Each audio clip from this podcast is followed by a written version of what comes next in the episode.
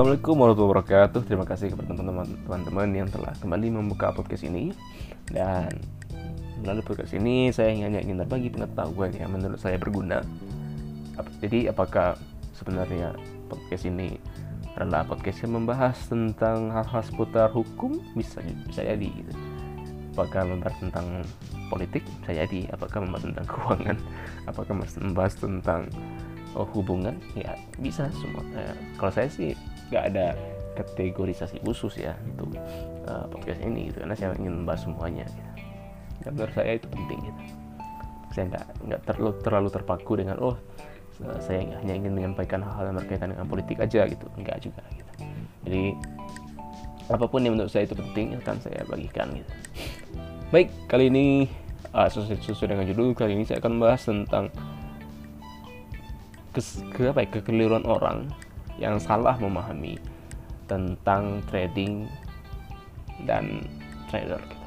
Nah gini, kita apa ya kita masuk dulu ke arah pengertiannya gitu.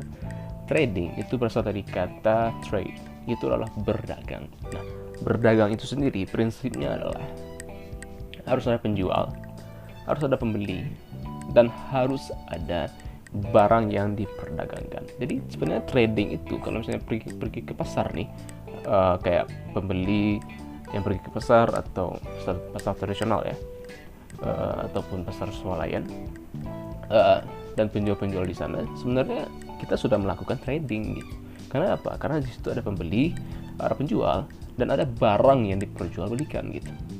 Jadi, jadi ada kayak pihak pihak. Jadi ada kayak oh, ijab kabul lah gitu istilahnya bagi pembeli dan penjual dan atas barang yang dijualnya gitu.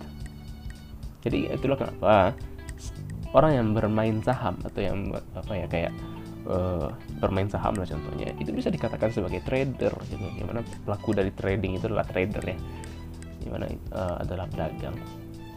Uh, karena di dalam bermain saham itu ada ada penjualnya apakah ada penjualnya ada apakah ada pembelinya ketika transaksi ya ada juga gitu. Apakah ada barang yang dijual?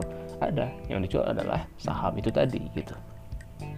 Itu kenapa ya? Kalau saham kayak forex atau bursa efek itu ya itu eh, bisa disebut sebagai trading gitu. Karena ada karena dia memenuhi yang namanya prinsip berdagang gitu. Dan para pemainnya atau para playernya itu bisa disebut sebagai trader gitu. Sebenarnya di sebenarnya, sebenarnya di pasar swalayan atau di pasar tradisional pun itu yang sering kita lihat sehari-hari itu juga sebenarnya pedagang itu seller itu sebenarnya bisa kita katakan sebagai trader juga gitu. Trader karena dan itulah pengertian dari trading gitu. Jadi nah dan saya heran adalah orang sering kali memasukkan apa ya mendefinisikan trading dan trader trading dan trader itu secara keliru gitu misalnya kayak orang mengatakan bahwa oh kalau orang yang bermain di binary option itu apa ya termasuk uh, pemainnya termasuk trader dan kegiatannya termasuk trading. Nah itu sebenarnya bukan trading gitu. Karena karena gini pertama apakah ada pembelinya? Nggak ada sebenarnya. Misalnya kayak uh, aplikasi binomo misalkan atau aplikasi binary option lainnya gitu kan. Apakah ada pembelinya? Nggak ada apakah ada penjualnya? Nggak ada. Apakah ada barang yang diperjualbelikan? Nggak ada sebenarnya. Itu hanya seperti me, apa ya hanya taruh uang aja gitu. Lalu pilih yes atau no atau turun atau naik. Maka kalau misalkan tebakan kita uh, benar maka kita mendapatkan untung gitu. Kalau kalau salah tebakannya rugi gitu. Sama kayak jadi kalau saya pribadi lebih suka menyebutnya sebagai judi gitu. Binary option itu. Judi karena dia tidak memenuhi sama sekali prinsip berdagang gitu. Itulah kenapa dia namanya binary option yang artinya adalah binary artinya adalah dua pilihan eh dua dan option artinya adalah dua itu bukan dua bukan angka dua cuman adalah dua buah dua pilihan gitu. Dua apa ya dua macam sama kayak bilang biner kan. Biner, biner itu kan bahasa bahasa Indonesia nya yang mana bila kalau bilangan biner itu terdiri dari dua angka itu adalah 0 dan 1 gitu. Jadi binary kalau option artinya adalah pilihan. Ini binary option artinya adalah dua pilihan gitu. Jadi artinya ya kalau menang kalau menang ya menang gitu kalau kalau menang untung. Kalau kalah udah rugi. Gitu. dan sebenarnya saya lebih suka menyebut sebagai gambler aja gambling aja. Jadi nggak ada prinsip berdagang sebenarnya dalam binary auction. Itulah kenapa orang yang bermain di binomo atau di all trade saya nggak tahu ya apakah all trade itu adalah aplikasi semacam forex atau uh, apakah itu binary option? Uh, atau apa pun itulah yang pokoknya uh, kita hanya perlu memilih yes atau no atau naik atau turun gitu ya.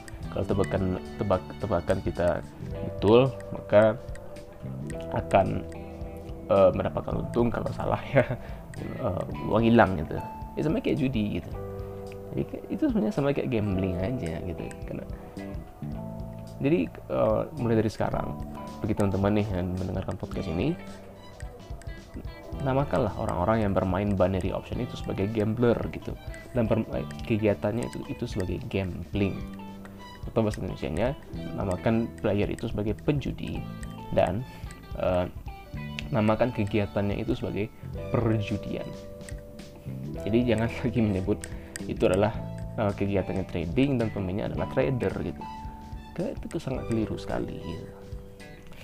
Baik uh, saya harap podcast ini teman-teman share gitu kan ke orang-orang supaya kekeliruan kekeliruan semacam ini tidak lagi kekeliruan definisi ini tidak lagi terjadi.